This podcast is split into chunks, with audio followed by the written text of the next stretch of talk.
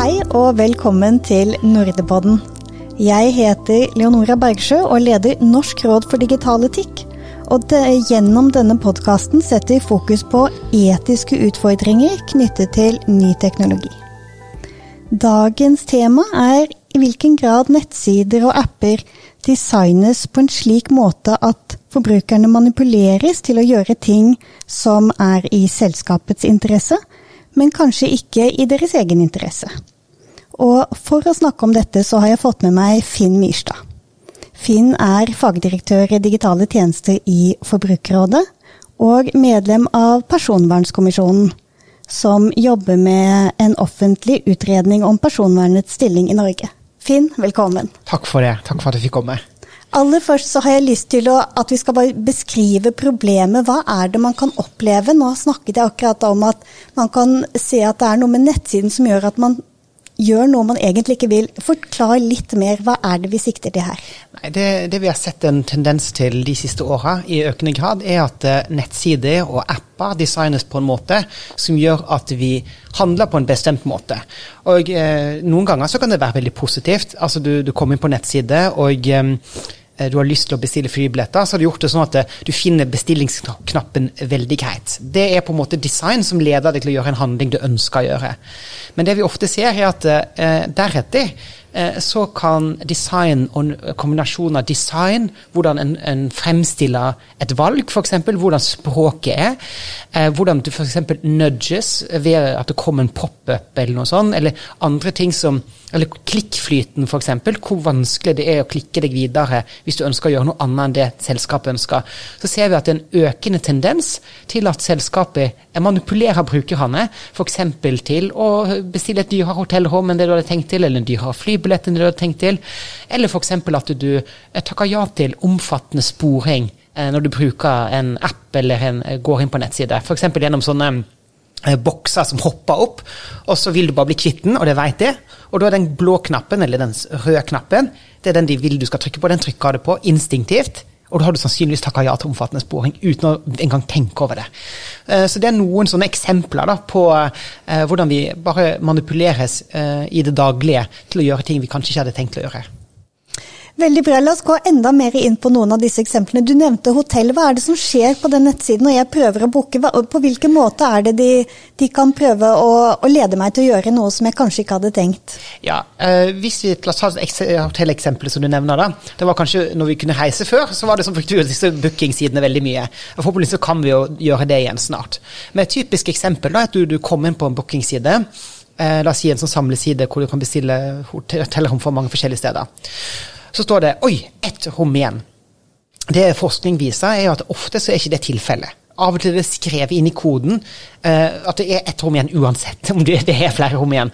Uh, og det er ofte plassert der for å stresse deg, for å trigge en psykologisk reaksjon. Frykten for å gå glipp av noe, eller 'fear of missing out', som det kalles på engelsk. Det kommer ofte i kombinasjon med at hvis du blar litt lenger ned, litt lenger ned så vil du se ett rom er nettopp lagt til. Og da får du til å føle at du er unik, du er heldig. Og så vil det kanskje stå nå ble det nettopp booka et rom på det her hotellet. Og igjen så trigger de den frykten for å gå glipp av noe. Så det er på en sånn følelsesmessig berg-og-dal-bane. Og så kanskje litt lenger ned så står det 'special deal'. Og så får de inntrykk av at her er det en spesialavtale. Et tilbud du ikke kan si nei til. Um, og det er da uh, meint til å forankre til å bli på den tjenesten, ikke gå et annet sted og sammenligne priser. Kombinasjonen av disse triksene er at du blir manipulert til å bestille der og da uten å tenke deg om, og du blir stressa. Andre eksempler kan også være at det står sånn eh, Leonora fra Oslo har nettopp booka eh, hotell. Hvis du f.eks. er fra Oslo og er på IP-adresse fra Oslo. Eh, det har vi også forskning for fra Princeton avslørt at det ofte er bare helt falsk. At det, når de bruker IP-adressen din til å vite hvor du er, så legger de til en lokasjon på en fiktiv bruker for å gi deg inntrykk av det. Og Det er bruk av såkalt eh, på engelsk kaller det social proofing, for å gi deg inntrykk av at du andre venner eller andre bekjente som deg bruker å gjøre det samme. Eh, kombinasjonen igjen er at du blir manipulert til å gjøre ting du kanskje har tenkt å gjøre. Så det her ser vi skjer igjen og igjen. Hmm. Så mye psykologi som rett og slett eh, legges inn i hvordan nettsiden er bygget opp? Ja, atferdspsykologi som til, på en måte, den spiller på følelsene til folk. Eh, en vet også at forbrukere, eller folk generelt, vil alltid gå for kortsiktig gevinst i sånne i sånne beslutninger, fordi den langsiktige konsekvensen av valgene er ikke åpenbar der og da. Mm. Og, det, spiller selskapene på. Det, nå brukte vi jo et hotelleksempel som under pandemien er noe vi kanskje kan drømme om, men la oss ta et uh, eksempel fra sosiale medier som vi er mye på for tiden. Ja, jeg kan jo ta et eksempel. Eh, veldig, forrige uke så skulle jeg hjelpe en, en venn av meg å sette opp eh, tofaktor-autentisering på Facebook, som er en veldig viktig sikkerhetstiltak. At uh, hvis du, uh, noen logger inn på Facebook-kontoen din uh, og har f.eks. fått passordet ditt, det er veldig vanlig, så må de allikevel få et nytt passord via SMS på telefonen din, f.eks., eller via en kodebrikke. Og det er veldig viktig at folk har. Så Facebook, når du gjorde det, la inn telefonnummeret til den vennen min så trykker jeg OK. Og umiddelbart etter jeg hadde lagt det inn, så kommer det en ny boks opp. Der det er den blå knappen som jeg nettopp hadde trykka på, er plutselig blitt en eh, enig-knapp. Og da holdt jeg på instinktivt bare å trykke meg videre, for jeg trodde det var den samme knappen, men det var en ny knapp. Og det var jo selvfølgelig by design. Det var laga sånn ikke sant, for at jeg bare skulle trykke ja. Og da hadde jeg takka ja til at uh, Facebook kunne bruke telefonnummeret til vennen min til å koble sammen eh, hennes informasjon med mange andres informasjon. De kunne virkelig profilere henne og bruke dataene på masse ulikt vis. Veldig ufint å gjøre. Men det var et sånt designtriks som eh, Facebook bruker for å samle telefonnummer til kommersielt formål, som ikke er greit. Vi har også sett på både Facebook og Google tidligere hvordan de bruker eh, den type klikkflyt eh, og design til å få oss til å si fra oss personvernet på ulike vis. Og jeg kan godt fortelle mer om det hvis du ønsker. Altså, Dette er jo kjempeinteressant. Jeg satt og tenkte på, Er det en sånn ny type skam ved å gå, på, gå i disse fellene? For det er jo ikke lett. Selv du er der du er kjempebevisst, og så likevel så er det noe med design. Du har akkurat trykket på en knapp, det kommer en ny knapp, du tror det er den samme. Designen er lik men du vil plutselig selge vennen din, ikke ja, sant? Ja, uh, det tror jeg du har helt rett i. Jeg tror veldig mange legger ikke merke til det. Litt sånn som jeg holdt på å gjøre. Eneste grunn til at jeg ikke trykker på den knappen, er at jeg jobber med det her til daglig. Mm. Og tenkt plutselig Men uh, folk har jo travle hverdager. Du, det med å trykke på sånne bokser har vi jo i praksis blitt lært opp til at det må vi bare trykke på for å komme videre. Mm. Så de aller fleste tenker ikke over hva det innebærer. Og jeg, jeg vil ikke skylde på de heller. Og de få som da plutselig angrer, føler jo skam fordi de har gjort noe dumt, fordi de føler at de gjorde noe galt. Mens eh, det vi mener, er at her er det selskapene som bevisst designer det. De bruker avansert det vi kaller AB-testing. De, de, bruker ulike form for design, og de ser hva som funker for de. Og mm. Derfor blir bare design mer og mer utspekulert, og til å trykke eh, mer og mer på det de ønsker. Og her begynner vi å komme forskning på dette fenomenet, og det er jo det som er hovedtemaet i dag. ikke sant? Dette fenomenet som nå kalles dark patterns. Fortell om den forskningen. Ja, eh, Vi i Forbrukerrådet har gjort en del undersøkelser. Vi har sett på Facebook, vi har sett på Google, vi har sett på Amazon eh, og en rekke andre tjenester. Og det er også spennende forskning som kommer ut fra masse universiteter i Europa og i USA. Et stort uh, forskningsmiljø på Princeton som har bl.a. sett på 11 000 nettsider og automatisert deteksjon av dark patterns, og de oppdaga at veldig mange nettsider bruker manipulerende triks for å på en måte overbevise eller overbevise forbrukerne til å gjøre ting de, de er opptatt av. Eller ikke er opptatt av, da. Ja. Mm, mm. Og den, denne type design kaller vi da dark patterns, og det er, betyr egentlig da manipulerende design? Ja, det, det stemmer. Ja. ja. jeg tenker jo Når du bruker dette ordet dark pattern, så kan man jo tenke at det er noe veldig kriminelt. Men, men hvordan, hva sier lovgivningen egentlig om, eh, om dette? Nei, det, det, er litt uklart. Så vi har jo utfordra eh, lovgivningen i Norge flere ganger. Eh, for to-tre år siden så, så vi veldig nøye på Facebook og Google. Eh, der så vi jo bl.a. Facebook ba om samtykke til introdusering av ansiktsgjenkjenning. Ansiktsgjenkjenning er jo en veldig kontroversiell eh, teknologi. Som selvfølgelig kan brukes til å, at du, du, blir gjenkjent på et bilde. Da, at du får opp at du laster opp bilde på Facebook, og så får du bli automatisk vennene dine tagga. Det kan jo være nyttig f.eks. For, eh, for folk som er svaksynte, å skjønne hvem som er på et bilde. Og det kan kanskje brukes til å bekjempe ID-tyveri. Det er fall sånn Facebook fremstilte det. Men i måten klikkflyten var designa der, Eh, så var det veldig fort gjort å skru det her på. Og Det er problematisk, fordi ansiktsgjenkjenning kan også brukes til veldig mange andre ting. Vi vet Facebook har patenter på å analysere folks følelser. Og La oss si du bruker det i en kommersiell setting med bilder. Så kan du plutselig se om folk slutter å smile på bilder. Kombinerer du det med annen informasjon som du samler inn via Facebook, så kan du veldig eh, raskt fastslå om folk um, er deprimerte, f.eks. Eh, eller om de legger på seg. Eller om de, eh, hvilke type klær de har på seg. Eh, du kan også bruke det til å, bruke det til å eh, kartlegge folks vennekrets. Og basert på det så kan du også fastslå folks politiske ståsted, seksuell orientering osv. Så, eh, så vi så, at Facebook brukte veldig manipulerende design for å introdusere det. Så jeg vil egentlig anbefale alle lytterne til det her å gå inn og sjekke Facebook-settingene sine om du har skrudd ansiktsgjenkjenning på ved en feiltagelse, for det har du mest sannsynlig gjort. Vi så også på Google Google har jo eh, 85% av verdens operativsystemmarked gjennom Android-operativsystemet sitt. Eh, og når du kjøper en Android-telefon, det kan jo være en Samsung-telefon, en, en Sony-telefon De fleste har det, bortsett hvis du ikke har iPhone. Og Da har du brutt forseglinga på telefonen, ikke sant? og da kan du jo ikke nødvendigvis levere den tilbake i butikken. Og så skal du skru den på, og du vil bare begynne å bruke telefonen. Da kommer det opp en sånn samtykkegjennomgang fra Google, for det er tross alt Google som driver for telefonen din. Og da er psykologien du vil få i gang telefonen raskest mulig. Og da så vi hvordan Google hadde en sånn blå knapp. Det var den du skulle trykke på for å komme videre. Og da var det først uh, for at du, du, skulle få mer informasjon. Du skal ha mer informasjon videre. Og så skulle du bare videre. OK. Blå knapp. Og så ble det sånn OK, vi skrur på sikkerhet i telefonen. Eh, som fingerprint-skanning. OK, det vil jeg ha på. Og så plutselig var det en samtykkeknapp. Men det var den samme blå knappen framsto som akkurat det samme. Og plutselig hadde du skrudd på lokasjonssporing. Og når du har lokasjonssporing på en telefon, så betyr det at Google til enhver tid kan vite vite hvor, du er. Og Hvis du tenker at de kan gjøre det på 85% av verdens mobiltelefoner, så får du et ekstremt detaljert bilde av folks liv, hvem de er sammen med, hvor de befinner seg, hvor de sover om natta. Og fra det så kan du selvfølgelig trekke enorme konklusjoner. Besøker du psykolog, psykologen tre ganger i uka? Har du besøkt en, besøkt en abortklinikk?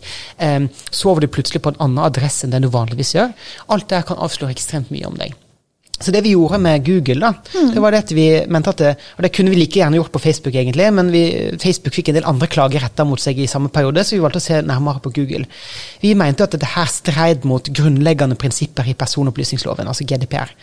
Eh, det var ikke et eh, informert samtykke, det var ikke et granulert samtykke. Eh, og vi sendte inn en klage på Google på at de bryter GDPR. Den klagen gikk til Datatilsynet i Norge, men som så måtte sende den videre til Datatilsynet i Irland. Eh, og der ligger den dessverre fortsatt og marinerer i en, eh, en, eller annen form for kjøttkvern som de har. Og det er veldig veldig synd, for det gjør at de ikke får viktige prinsipielle avklaringer på det, samtidig som Google har fortsatt muligheten til å samle informasjon om brukerne sine. Så det var ett eksempel. Uh, og jeg kan nevne et mer nylig eksempel som vi har hatt. Mm. Vi så på Amazon Prime. Amazon er et av verdens største selskaper. Og Amazon Prime har 150 millioner brukere globalt. Eh, der betaler du et sted mellom 100 og 150 kroner i måneden for å være medlem, og så får du en rekke fordeler. Eh, det kan være rabatt på e-bøker, lydbøker, eh, Twitch, f.eks. spillplattform. Du kan se videoer. altså video Prime-tjenesten er jo tilgjengelig i Norge, men den generelle Prime-tjenesten gir mye mer. Månedlige innbetalinger er ekstremt innbringende for ethvert selskap, så du vil gjerne beholde kundene dine. Så vi sjekka hvordan er det å melde seg opp til Amazon Prime. Kjempelett. Det tok to klikk, så var du medlem av Amazon Prime. Men prøver du å melde deg ut, så møter du på en utfordring som jeg tror veldig mange kan kjenne seg igjen i når de melder seg opp til ulike tjenester. Enten det er en datingapp eller det er en abonnementstjeneste, så er det veldig vanskelig å melde seg ut. Og i Amazons tilfelle så var det en serie av varselstrekanter som kom opp når du eh, skulle si nei. Du, du ville miste uspesifikke tilbud. Du så ikke hvilke tilbud du ville miste. Du ville også miste items uten at du så hvilke items. Du ville miste eh, andre eh, goder, da, exclusive goods eller offers. Um, kombinasjonen av det gjorde at du ble veldig redd for å gå glipp av noe. Igjen, denne frykten for å gå glipp av noe. I tillegg så var det forvirrende menyer. Det var vanskelig å finne fram. Og det var en rekke bokser som var designa sånn at du, hvis du trykker på dem, så kommer du ut av prosessen og tilbake inn i tjenesten. Summen igjen var ikke at nødvendigvis hver enkelt av disse tingene var ulovlig. Men når du ser på summen av disse tingene, så mener vi at det er en urimelig handelspraksis. Og da kommer norsk og europeisk forbrukerlovgivning inn. Så vi klagde inn eh, Amazon for brudd på forbrukerlovgivningen i Norge. Eh, vi allierte oss også med 16 andre organisasjoner i Europa og USA som gjorde det samme i åtte land. Inkludert oss sju organisasjoner som klagde de inn til Federal Trade Commission i USA. Så vi prøver å løfte disse problemstillingene. F.eks. i Amazon-casen så var prinsippet vi ønsket å slå fast, var at det skal være like enkelt å melde seg ut som det er å melde seg inn. Det burde være åpenbart. Eh, det gjør jo selvfølgelig ikke Amazon i det tilfellet her. Så vi håper jo at eh, lovgivningen skal sette en stopper for det her. Men, eh, men det tar jo tid, da. Så kanskje det må sterkere lut til for at uh, vi uh, blir kvitt det her. For det er en skikkelig uting. Ja, Og dette er jo noe som går inn i så mange områder i livet. Du har jo nevnt mange eksempler med datingapper og, og virkelig ikke sant, Netflix, Amazon, alt mulig forskjellig som vi, som vi har hele tiden. Så nå sitter jeg og tenker, veldig mange av oss opplever dette kanskje hver eneste dag. At vi er inne i sånne manipulerende designsykluser. Vet vi noe om hvor utbredt det er? Har det noen som dere ser at ikke driver med det, f.eks.? Ja, et, et, et, positivt eksempel med det var faktisk um, Netflix, da, mm. eh, som i forrige uke sa at nå skulle de automatisk slette kontoene til folk som ikke var aktive på Facebook. Og det er jo et sånt forslag, da vil de jo, For da er tanken at hvis ikke du har vært aktiv på Netflix i et år, så bruker ikke den kontoen. Men betalinga går jo hver måned. Mm. Altså, det ville vært veldig innbringende for Netflix å bare la de betalingene gå. Men så sier de nei, vi skal faktisk nå sende en e-post til alle de brukerne og si at nå sletter vi kontoen deres hvis ikke dere foretar dere noe. Og det vil jo spare de, de, sannsynligvis de menneskene for mye penger, for da har de faktisk ikke tenkt å bruke den. Så det er jo et positivt case der selskapet aktivt går inn for å kanskje tape litt penger. Men jeg tror jo at de vinner på det i det lange løp. Fordi da sier de samtidig til kundene deres dere trenger ikke bekymre dere for det her eh, tilbudet, det her abonnementet deres, fordi eh, vi kommer til å stoppe det hvis du glemmer det. Eh, det er jo ikke det, det, er det motsatte Amazon gjør. Um, og når jeg spør folk har du blitt manipulert, så sier de fleste nei. Men det er jo litt i manipulasjonens natur. Du er enten ikke klar over det, mm. eller hvis du oppdager det, så skjønner du kanskje ikke at du ble manipulert. Du følte deg bare dum som ikke skjønte at det skjedde. Um, så Derfor er det nok vanskelig å, å, for mange å kjenne seg igjen i noen av disse tingene. Men jeg håper at det at vi snakker om det, gjør at folk bare plutselig Oi, det er manipulasjon, det er ikke greit. Mm. Uh, så det folk kan gjøre da, uh, er jo å å ta skjerm, en skjermbilde når de oppdager at det her skjer, og syns f.eks. at en sånn samtykke Uh, pop-up som kommer, var ufin. F.eks. at den, den, knappen selskapet vil du skal trykke på, er veldig rød eller veldig blå, mens den knappen du kanskje burde klikke på, var nesten usynlig. Ta bilde av det. Send det til Forbrukerrådet, send det til Datatilsynet. Legg det ut på Twitter, legg det ut på Facebook. Send en mail til selskapet og si det her er ikke greit, det her er manipulasjon.